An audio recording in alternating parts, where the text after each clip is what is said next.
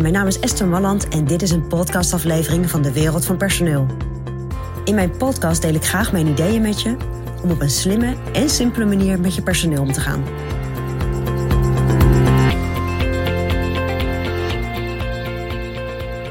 Ja, verantwoordelijkheid nemen.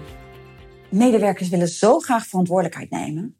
Althans, dat zeggen ze vaak. Maar op het moment dat jij dan ze de gelegenheid geeft om verantwoordelijkheid te nemen, dan zul je regelmatig toch een beetje teleurgesteld zijn.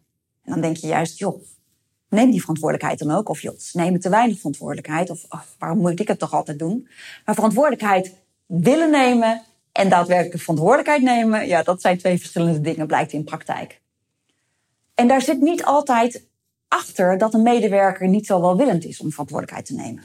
Dat denk jij misschien vaak wel. Dat je denkt, kan je toch, toch oppakken? Of dat kan je toch, zelf uh, afmaken? Er is soms een reden waarom mensen geen verantwoordelijkheid nemen. En die reden die kan misschien wat minder zichtbaar zijn voor jou. Het kan namelijk zo zijn dat die medewerker een collega heeft die af en toe op zijn of haar stoel gaat zitten. En dat die medewerker zelf verantwoordelijkheid wil nemen, maar de kans bijna niet krijgt omdat de collega steeds de verantwoordelijkheid overneemt of werk naar zich toe blijft trekken.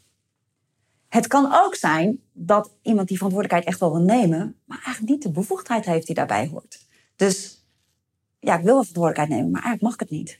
Want ik, ik mag niet dat soort keuzes maken. Of ik mag dat soort dingen niet verzenden. Of ik mag, whatever. En het kan ook zo zijn dat er gewoon een stukje onzekerheid zit. Dus mensen hebben wel de neiging om verantwoordelijkheid te willen nemen. Maar voelen toch nog niet helemaal zich stevig genoeg om echt die verantwoordelijkheid te pakken. Dus zoals ik vaker zeg, als je nou iets ziet bij je medewerker waarvan jij denkt, neem die verantwoordelijkheid dan. Ja, frustreer je daar dan niet over, maar verwonder je. Dus ga vragen, joh, wat is de reden dat jij die verantwoordelijkheid niet pakt? Want ik constateer namelijk dat je die verantwoordelijkheid niet pakt. En helemaal bijzonder natuurlijk als iemand van tevoren heeft gevraagd om die verantwoordelijkheid te krijgen. Maar als iemand hem dan niet neemt, waarom neemt hij hem dan niet? Maar dat is niet altijd omdat de medewerker het niet wil. Of omdat de medewerker te nonchalant is, of te makkelijk is, of uh, nou, whatever. Dus het is niet zozeer heel duidelijk te zien soms waarom iemand de verantwoordelijkheid niet neemt. Daar heb je soms een gesprek voor nodig.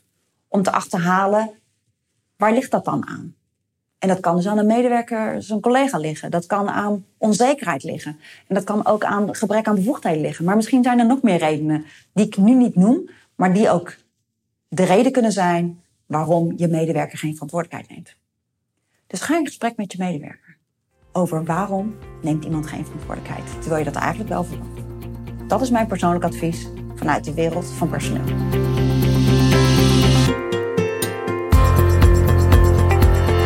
Ja, vond je dit een interessant advies? Abonneer je dan op dit kanaal. En wil je nog meer van onze gratis adviezen?